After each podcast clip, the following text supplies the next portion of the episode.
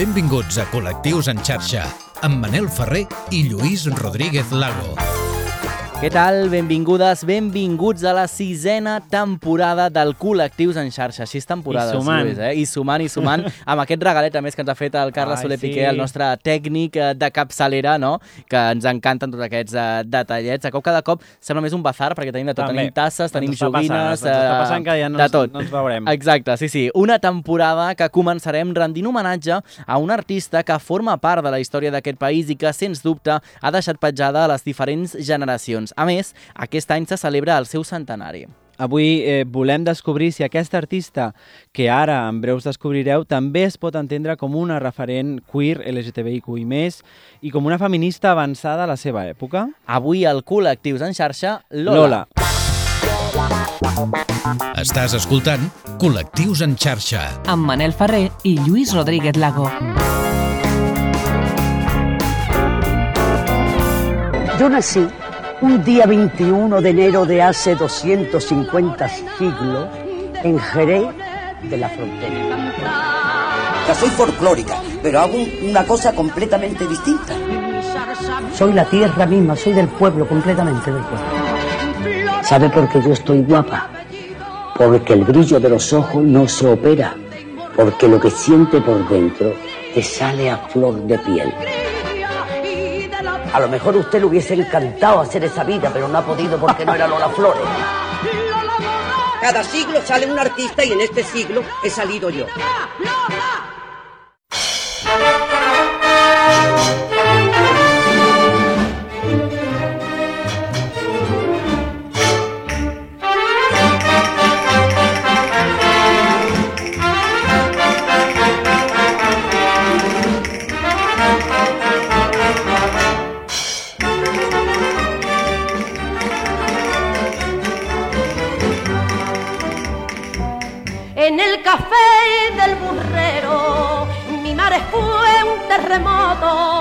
Dolores Flores Ruiz, de nom artístic Lola Flores i també coneguda amb els sobrenoms de La Faraona i Lola d'Espanya, va néixer a Xeres el 21 de gener del 1923 i va morir a Alcobendas, província de Madrid, el 16 de maig de l'any 95. Va ser una cantant i ballarina de flamenca andalusa i també va intervenir en algunes pel·lícules de cinema entre l'any 1939 i el 1987. Eh, Franco va utilitzar-la com a símbol de la cultura del seu règim, així com el flamenc i també la dansa espanyola en general. És matriarca d'una família de coneguts artistes. L'any 1958 es va casar amb el barceloní Pescaïlla, un dels pares de la rumba catalana, i amb ell va tenir tres fills que s'han dedicat a la cançó. Dolores, coneguda com a Lolita, Antonio González Flores i Rosario. Les seves netes, Alba Flores i Eliana Furiase, han començat les seves carreres d'actrius. És una saga més que salvada, eh, I Lluís, tant. podríem dir. Ah, El talent i la qualitat artística de Lola Flores són àmpliament reconeguts, encara que popularment han carregat durant molt de temps estar vinculades amb el franquisme. La seva vida privada ha estat també recollida durant dècades a les diferents revistes del cor.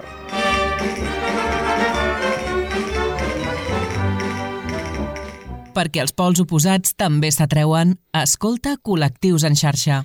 Per commemorar el centenari de Lola Flores, Carlos Barea ha coordinat l'edició d'aquest llibre que tinc aquí, Flores per a Lola, un llibre amb moltes mans entre diversos escriptors i agitadors culturals que ens ajuden a entendre la vida de l'artista a través d'una mirada queer i feminista. Avui ens visita el Col·lectius en xarxa. Què tal, Carlos? Gràcies per atendernos. Hola Manel, ¿qué tal? Muy bien. ¿Cómo podemos contextualizar a Lola Flores dentro de la historia de España? Pues básicamente yo creo que como un personaje indispensable. Ya a lo mejor de la historia de España, a lo mejor somos un poquito exageradas, pero por lo menos del siglo XX, desde luego. Pero porque ya no solo por todo lo que supuso ella para el arte, para el folclore español, sino también por la fuerza y el, peso que tuvo y el recorrido que tuvo desde los años de la dictadura hasta entrado en los años 90. Es decir, que recorrió varios periodos eh, históricos dentro del siglo XX y además siendo protagonista en todos esos momentos. ¿Sabe por qué yo estoy guapa? Porque el brillo de los ojos no se opera, porque lo que siente por dentro te sale a flor de piel. Si me queréis aquí, no, no, chance, chance.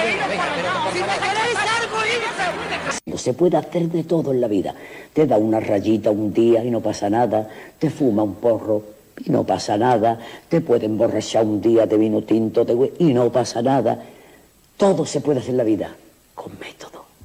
Y después tres días, tres días tranquilo bebiendo agua mineral, comiéndote un potaje muy bueno, un bucherito muy bueno, una pringada. Todo en la vida y se goza de todo lo bueno que hay en la vida. Yo no me di cuenta de que te tenía hasta el mismo día y en que te perdí. Y di claramente lo que te quería Lola Flores ha tenido grandes frases a lo largo de su historia y que hoy en día forman parte del vocabulario popular. Por ejemplo, las que escuchábamos, la del brillo de los ojos de Luis y la de si me queréis irse el día de la boda de su hija o el de las drogas, pero sobre todo con método, ¿eh? Importante. Y, de vino tinto. Sí, sí total, total. Porque crees, eh, Carlos, que todo lo que ella dijo en esas décadas ha calado en la actualidad, decíais en el libro que seguramente ella fue la primera influencer española. Total. A ver, yo creo que las frases han calado porque ella era muy lista. Y ella sabía todo lo que hacía, eh, sabía por qué lo hacía, cuándo lo hacía, de qué manera lo hacía, para calar. Porque si podemos decir algo de Lola Flores es que era un animal mediático. Yo no sé si hay un, porque iba a decir por, naturaleza, ¿no? No sé si es natural ser mediático, ¿no? Pero sí que es verdad que ella había nacido para esto, para encandilar. Entonces, ¿qué ocurre? Que, que ella además era absolutamente atemporal precisamente por esto, porque, porque sabía muy bien qué decir para agradar a todo el mundo y agradaba a todo el mundo, tanto en el pasado en su momento, porque era una adelantada, como ahora mismo. Si escuchas sus frases, es que no pasan de moda y son prácticamente aforismos, ¿no?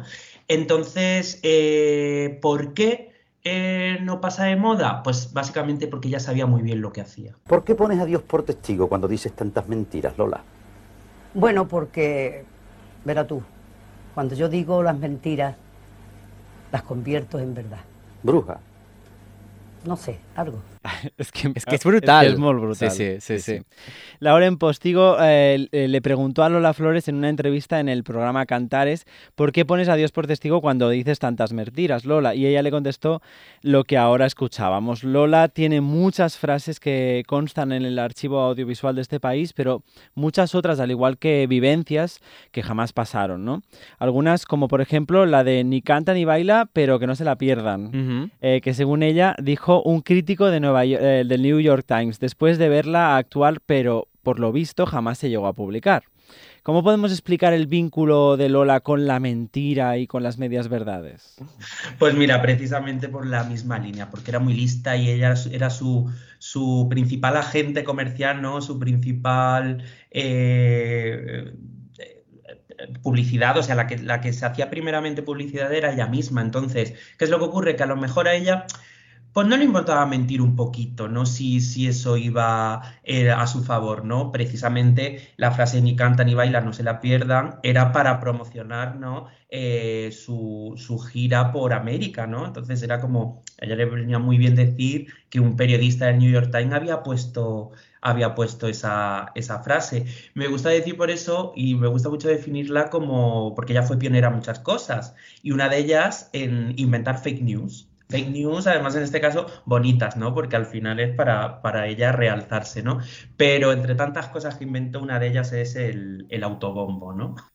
Molt, molt bona referència, Lluís, eh, que sí, feies. Perquè, perquè ha apuntat aquí de seguida a, a nostra Anita, Anita Obregón. Total, la parla, fantàstica. Ella parla, parlava de les fantasías, mm, sí, ¿no? Sí, sí, sí, totalmente. También es cierto, Carlos, que la historia eh, eh, ha sucedido a veces también al revés, ¿no? Hay algunas declaraciones que Lola Flores jamás dio, pero que el pueblo hemos comprado y hemos acuñado, como por ejemplo la que supuestamente dijo en una entrevista que vendría a ser algo así como ¿quién nos ha dado alguna vez un pipazo con una amiga? No sé si la había sentido Lluís sí, alguna vagada. Pues por lo visto jamás pasó, pero que ha servido también como himno de protesta para la lucha del colectivo, ¿no? Claro, además eh, a mí me parece muy, muy gracioso y me gusta mucho pensar que ella lo dijo, pero fue en una reunión privada, entonces no hay fuentes que nos remitan a ello, aunque es verdad que todo apunta a que es más una leyenda urbana, ¿no? Pero yo para mí me lo, me lo prefiero imaginar así. Pero sí, justo precisamente eh, ya la fuerza que tiene ya no solo es que esta frase exista o no, sino que se ha inventado y que se le atribuya a ella, ¿no? Es como, ¿por qué motivos? No se le atribuye a Rocío Jurado, no se le atribuye a Paquita Rico, se le atribuye a Lola Flores. Y eso quiere decir que quien se inventara esa frase eh, consideraba que hubiera sido posible que ella lo hubiera dicho. Y eso también nos dice mucho sobre la personalidad y lo lenguaraz que era, ¿no? Y, que no tenía pelos en la lengua en ningún momento y que encima soltaba esas frases que decíamos no con, tanta fuerza. Entonces, independientemente de que sea verdad o no, lo importante es que nos hemos creído que ella lo hubiera podido decir. Me gustaría morir en Madrid y después de embalsamarme, como hemos hablado, que me llevaran al teatro de mis éxitos, al Teatro Calderón de Madrid me pusieran allí en el vestíbulo bastante tiempo para que pasaran los mariquitas, que me quieren mucho, y toda la gente que me, que, me, vamos, que me quieren mucho y que, que, son muy admiradores de mi arte, ¿no? Para que me vieran todo el mundo, haciendo una colita y que todo el mundo me viera. Ay, pues mira Lola, qué lástima con lo graciosa que era. Yo sé hasta las cosas que iban a decir. En el café de Levante, entre palma y alegría, cantaba la zarza mora. Se lo pusieron de mote Lola Flores, en un momento en el que el colectivo estaba perseguido, se alzó como una referente e incluso fuente de inspiración para todos aquellos que empezaban en el mundo del transformismo en los 70, como Juan Gallo, incluso para los transexuales, a los que llegó a invitar a uno de sus programas de televisión, ¿es verdad? sí, sí. Eh, es sin lugar a duda uno de los primeros referentes del colectivo, aunque ella seguramente no fuera consciente en ese momento, ¿verdad? Claro, pero yo creo que sí era consciente, ¿eh? fíjate, porque eh, ya la misma en el año 78, que tiene también una frase muy famosa en el programa de Cantares con Lauren Postigo, le preguntaba a Lauren, oye, ¿a ti cómo te gustaría morir? ¿Cómo te gustaría que fuera tu entierro? ¿no? Y ella decía que quería que la llevara, que sonara la zarzamora, y luego decía, y que pusieran mi capilla ardiente, creo que decían en el Teatro de la Villa, y que pasaran por delante los mariquitas que me quieren mucho. Es decir, yo creo que ella tenía muy claro desde el principio que estamos hablando, ojo, del 78, con hacía tres años que se había acabado la dictadura, ella sabía perfectamente que era una diva gay. Evidentemente no se definiría así, ella decía que le gustaban los mariquitas, pero desde luego, desde el principio hasta el final, y luego eh, con Juanito el Golosina, que era, que era un fan absolutamente de, ella, y, pero que luego se convirtió en amigo íntimo. Ella lo tenía claro, y luego ves otras, otras mm, eh, otras, otras frases suyas o otras declaraciones en programas diciendo, no, que yo tengo unos amigos, mis amigos mariquitas me cuentan cuando van a las discotecas. Ella siempre tenía en la boca eso de los amigos mariquitas porque yo creo que era una diva y le gustaba agradar al público, pero cuando se bajaba del escenario creo que también estaba constantemente rodeada de, gays, de transformistas, de personas trans y de todo tipo de, de personas que en ese momento estaban denostadas. Esta es la historia de Juan Que de pequeño le gustaba la cocina, le regalaban tanques y soldados, y el preferido semi peinado. En el colegio le llamaban el gallina, le comparaban con jarrones de la China. Hoy un petardo creía que era una bomba y dando un grito saltaba a la comba. Su padre le tenía muy quemado, no le gustaba que fuera manerado. Su cinturón le sacaba los colores cuando Juanito invitaba a Lola Flores. Juan el golosina camina por la vida, trabaja en cabaret. Es un hombre libre y la gente ya le Aquesta cançó, Lluís, que et preguntava abans, m'has dit que tu sí que la tenies Sí, controlada. sí, jo la sí. vaig descobrir eh, llegint el llibre del Carlos Barea, no? Flores para Lola, que de fet un dels episodis el dediquen a Juan Golosina i li fan una entrevista que és superinteressant. El llibre te'l recomano molt ara que ve Sant Jordi. Uh, jo no coneixia aquesta cançó, però em deies que sí, eh, que sí, sí, l'havies Bueno, I el l'havies disc aquest, sentit. aquest disc Mhm. l'havia sentit moltes vegades Mhm. sencer i aquesta cançó, evidentment, sí, sí. De fet, eh, como decíamos, Carlos, Juan el Golosina, más conocida, o, o Juan eh, Díaz, más conocido como Juan el Golosina, aún en vida, es un artista homosexual sevillano y que durante muchos años se movió por el ambiente cabaretero de Barcelona, llegando a convertirse en la mano derecha de Lola Flores y una pieza fundamental también en su familia, tanto que Antonio Flores le dedicó esta canción que ahora escuchábamos y que recoge frases como esta es la canción de Juan el Golosina, que de pequeño le gustaba la cocina, le regalaban ah, tanques y soldados y él prefería hacerse mil peinados, ¿no? Sí. Vuestro libro recoge, como decía ahora, una entrevista a Juan el Golosina. Para él también reclamáis el reconocimiento del papel fundamental que ha tenido también en la historia del folclore de este país. Claro, totalmente. Y además es que tendemos un poco a, olvidar esos personajes que fueron tan importantes en la historia LGTB. Es decir, Juan el Golosina estuvo en los años dorados del paralelo, eh, se travistió, cantó, trabajó en los cabaret, luego eh, se hizo amigo de Lola, se, juntó con toda la farándula, tuvo incluso una, una zona que era el Rincón de Juan, donde venían todos los artistas. Es decir, fue como el eje central y fue un personaje que en ningún momento se escondió, porque además él, él tiene mucha pluma y todo esto. Era un personaje televisivo que tú lo veías ahí, siempre que se hablaba de folclóricas o algo, él estaba ahí en medio y estaba por delante también su identidad, ¿no? Como, como hombre homosexual que en ningún momento se, se escondió. Entonces, por supuesto que es importante porque ahora que tenemos, por suerte, tan naturalizado, con lo fea que es esa palabra, pero que haya personajes gays, eh, lesbianas en la televisión y tal, no pasa nada, en los años 70, 80, 90 no era tan habitual. ¡Ay! ¡Ay! Los hombres para engañarlo, ¡ay! Los hombres para acariciarlo, qué palabrita tiene mi boca. ¡Ay! ¡Ay! Los hombres son como niños, ¡ay! Los hombres y su cariño con fatiguita me vuelven loca. Este me gusta por guapo, ese por darme castigo, aquel por majo chulapo y tú, por lo que no digo, total, total que estoy prisionera y hacen tiros de mi nombre, porque he puesto en mi bandera a mí, a mí me gustan, me gustan, a mí, a mí. A mí me gustan los hombres, no lo puedo remediar y me voy a... La primera relación conocida de Lola Flores fue con el guitarrista Manolo Caracol, pareja y también su gran descubridor, con el que también hizo pareja artística.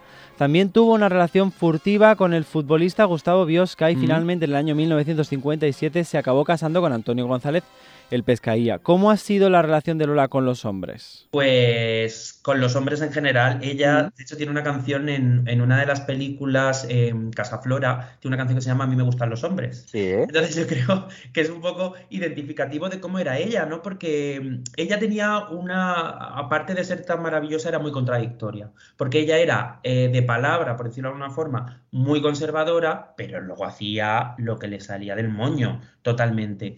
Eh, y entonces yo creo que le pasaba una algo así, ¿no? Ella decía que en su casa mandaba a su marido y que ella era mujer de un solo hombre, pero bueno, está clarísimo que tenía amantes por todos lados. Entonces, claro, eh, también hubo un, no me acuerdo en qué programa era, que entraba una telespectadora por teléfono y le decía, la, la acusaba algo así como de que había tenido muchos amantes, ¿no? Y acabó diciéndole, Lola, bueno, es que a lo mejor usted le hubiera gustado ser Lola Flores para estar con tantos hombres y no ha podido, ¿no? Claro. Entonces, yo creo que como todo, el- la relación de Lola con los hombres era de absoluta libertad en un momento en el que no era tan habitual Mm. tener esa libertad, pero luego lo cubría un poco con una pátina un poco de, de conservadurismo totalmente fachada, pero, era necesario también para, para sobrevivir en esa sociedad. Ha tenido un montón de amores. No, corazón mío, ha leído muy mal. Ha leído muy mal si precisamente tengo unos Bueno, señores y gracias. señoras que me dicen, déjame que le explique esto, Sí, sí. que me dicen que, que si estoy inventándome estos romances, porque, y que por qué no lo he contado cuando conté mi vida. Y yo precisamente en mi vida conté los hombres que yo amé que fueron, como todo el mundo sabe, Caracol, Biosca, Coque y, y- cuatro, porque llevo 40 años de ser una mujer y un artista. Y precisamente lo que estoy contando, si no, yo creo que no lo ha leído, porque con Gary Coupe no tuve nada que ver, con el señor Onassi no tuve nada que ver, con el señor Chavalier que me queda no tuve nada que ver. Solamente tuve dos rocecillos de pocos días con Ricardo Montalbán y todavía me, me falta Carlos Tonto. O sea que de 10 capítulos solamente hay dos hombres con los que tuve que ver. Y en 40 años de una mujer he contado los hombres que yo amé y los que quisieron amarme, pero son 40 años de mi vida. Feia aquesta referència a la biografia que va escriure amb Tico Medina que parlava justament de- Ajá. d'aquests amors. ¿eh? A pesar de que eh, luego tuvo una vida mm, familiar muy convencional, podríamos decirlo, Lola fue una mujer cuestionada y muchas veces por el resto de mujeres, como la escuchábamos, que no entendían que en sus biografías hablase tan libremente de sus amores, ¿no? Claro, y además, de hecho, también protagonizó una portada en la que decía Paputa yo. Eso venía también de una historia que habían acusado a, sus, a su hija, no sé si era, me imagino sería Lolita, de puta, no sé qué, y la portada que hizo era para, para puta yo. Pero es verdad que también le trajo ciertos problemillas a veces ser tan libre y decir las cosas de esa forma, porque incluso me estoy acordando de una portada que hizo en la que ella hablaba en la revista Garbo, creo recordar, eh, que en el 80 y algo, o sea, ya no estamos hablando de los 70, estamos hablando 80 y muchos, eh, creo que era, eh, que había abortado y tuvo que, a los pocos días, tuvo que dar otra entrevista. Tal fue el revuelo que se montó que tuvo que decir que no, que eso se lo había inventado el periodista que lo había tergiversado, que ella no había abortado, porque tuvo que retractarse. Luego ya muchísimos años después, en una de las últimas entrevistas que dio, creo que fue la última Carmen Rigal, lo reconoció, dijo que sí, que había abortado dos veces, pero en ese momento era tan espontánea, lo dijo tal, y se montó tal, tal revuelo y tal espectáculo que tuvo que decir que no, que no, que no, que era mentira. El hombre bebía los vientos por mí. Yo no estaba dispuesta a dejarme querer si no era por alguna compensación de dinero. Eso lo tenía muy claro. Salimos varias veces y él a lo suyo y yo a resistirme. Hasta que un día me dijo, ¿tú necesitas dinero? Y le dije, sí, 50 mil pesetas. Me dejó un momento sola en el restaurante, se fue y volvió con el dinero. Me dijo, ahí lo tiene. Vámonos. Le dije, no, perdón. Hoy no podría irme contigo a ningún sitio. Mañana te doy mi palabra que iré donde tú quieras. Y así fue. Me citó en el Hotel Nacional y allí acudí a pagar con mi cuerpo la deuda contraída. Cuando llegué a mi casa y le llevé a mis padres las 50 mil pesetas, pensé que le devolvía el dinero por el cual ellos traspasaron el bar de Jerez para que yo fuera artista. Y les dije, nunca me preguntes de dónde saco esto. Unido. Sí, sí. En el libro también recogéis unas declaraciones de Lola Flores en el que cuenta cómo aceptó estas 50.000 pesetas de un hombre a cambio de, de intimar con él o de acostarse con él. También dice que lo hizo para salvar económicamente a su familia. ¿Crees que es verdad o de nuevo era un alegato para favorecer a las mujeres que no les iba tan bien económicamente como a ella? Yo creo que sí fue real, o sea, yo creo que es absolutamente real y solo hay que hurgar un poquito en la biografía de otras folclóricas de esa época, porque claro, ten en cuenta que Lola era una niña de Jerez de la Frontera que se tuvo que venir con la madre, que los padres tuvieron que vender el bar para que ella pudiera venirse aquí a hacer, eh, a hacer audiciones para tablaos y hacer audiciones para películas. Entonces, Evidentemente, tal y como se ve en el programa En el Coraje de Vivir, que es donde lo cuenta, eso está adornado porque ya es lo que tú dices, es Sí. folclórica para todo, hasta para contar las cosas. Pero la base yo creo que es absolutamente cierta, en plan de, pues hijo, me tuve que acostar con, una, con un hombre porque es que no tenía dinero. Y yo creo que eso sí era, en, en cierto sentido, homenaje a todas las que también lo ha tenido que hacer y que no se ha atrevido, porque claro, esto se podía tolerar porque lo había dicho Lola y sabía cómo contarlo, pero no cualquiera sale indemne de contar yo me prostituí Claro. para poder llegar a donde he llegado. Segueix-nos a les xarxes. Busca'ns i recupera tots els nostres programes, imatges i vídeos exclusius. Col·lectius en xarxa, a Twitter, Instagram i a les principals plataformes de podcasting. Tú eres una piedra dura de chipiona que no se puede aguantar, que te lo digo yo. ¿Tú qué- con quién haces buenas migas? A ver, ¿con tus colegas cómo te llevas? Oh, yo divinamente con todas. Divinamente. Con Rocío Jurado me llevo que quita sentido. Con María Jiménez, con Macié, con Maritrini. Ay, yo me llevo bien con todo el mundo. ¿Y con la pantoja? ¿También? Bueno, también. Lo que pasa. Un chile. Lo que pasa es que tiene el pelo muy largo y se cae un pelo en el gaspacio, no te quiero ni contar. Como hemos escuchado, Lola Flores tenía muy buena relación con el resto de artistas de la época, pero había una excepción, eh, la tensa relación que tenía con Isabel Pantoja. ¿A qué crees, Carlos, que se debe esta enemistad? Pues a ver, se supone que la, bueno, se supone no, la historia es que en- antes de estar Isabel Pantoja con Paquirri, estuvo con Lolita, con su hija. Y entonces eh, Paquirri dejó a Lolita para irse con, con Isabel Pantoja, ¿no? Y entonces eh, volvemos un poco a esta historia de eh, moderna pero chapada a la antigua. ¿no? Pues al final la lectura que se hacía es que eh, Isabel Pantoja le había quitado su hombre a Lolita y Lolita fue una época que lo pasó muy mal. Y de hecho también a raíz de esto viene una leyenda en la que Lolita estaba actuando, que pues no sé si era en el Florida Park o en algún sitio, y estaban en primera fila sentados Paquirri y Isabel Pantoja.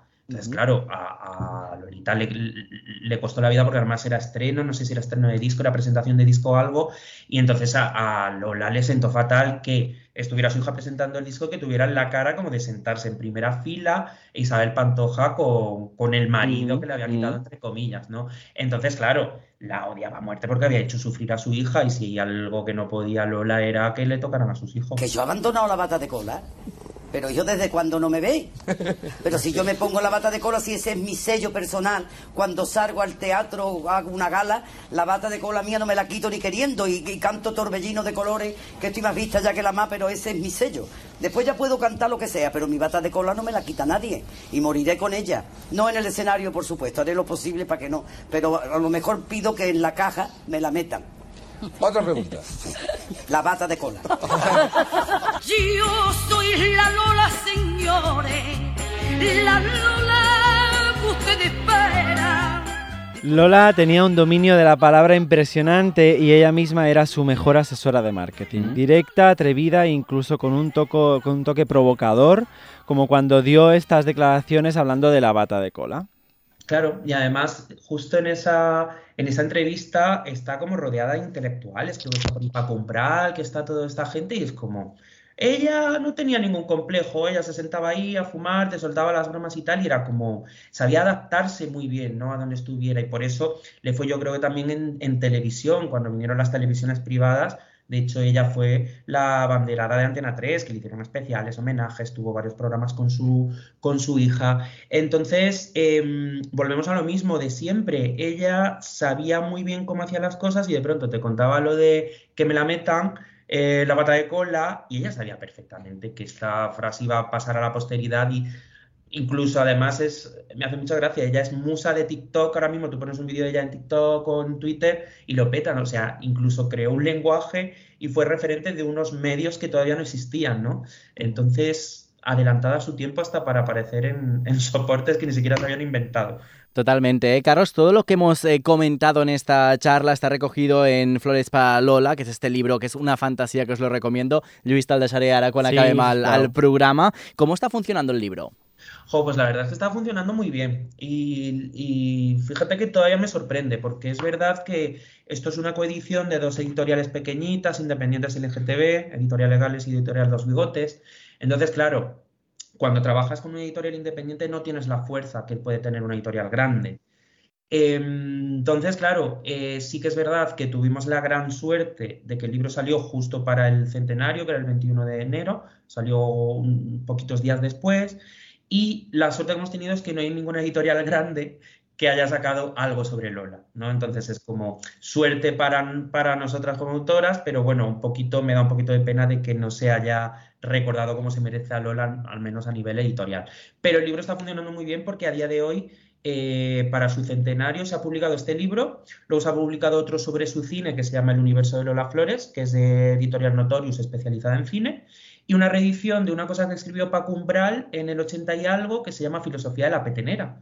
Entonces, como claro, con este catálogo tan limitado sobre Lola, pues hemos tenido la suerte de que además es un libro que, mm, modestia aparte, está muy bien, eh, hace una lectura como muy eh, como icono pop de ella, pero es verdad que la atención mediática, por decirlo de alguna forma, nos la, nos la hemos llevado porque no había una grande que, que nos pisara el terreno. O sea, que muy bien. Carlos, Muchas moltíssimes gracias. gràcies. Marxem amb aquesta música, eh, que ja Ah, sí. entra en els nostres Som-hi. cossos directament. Eh, hem conegut avui la història de Lola Que Flores. interessant, que xulo, quines ganes de llegir-me aquest totalment. llibre, Us el sisplau. recomanem una vegada més, eh? Flores per a Lola, agraïm també al Carles Soler Piqué eh, la feina també perquè això soni tan bé, tot aquest camí Mhm. eh, que hem seguit. Eh, de nou, gràcies al Carlos eh, Barea per acompanyar-nos i gràcies a vosaltres per aquesta tornada a la sisena temporada del Col·lectius. Ens escoltem la setmana que ve amb més històries. Ja Molt bé. veureu que us agradarà. Gràcies i fins la propera setmana. Que vagi bé. Adeu. Adeu. Yo no me di cuenta de que te tenía hasta el mismo día y en que te perdí. que te quería cuando ya no había remedio para mí. Llévame por calle de llegue amargura.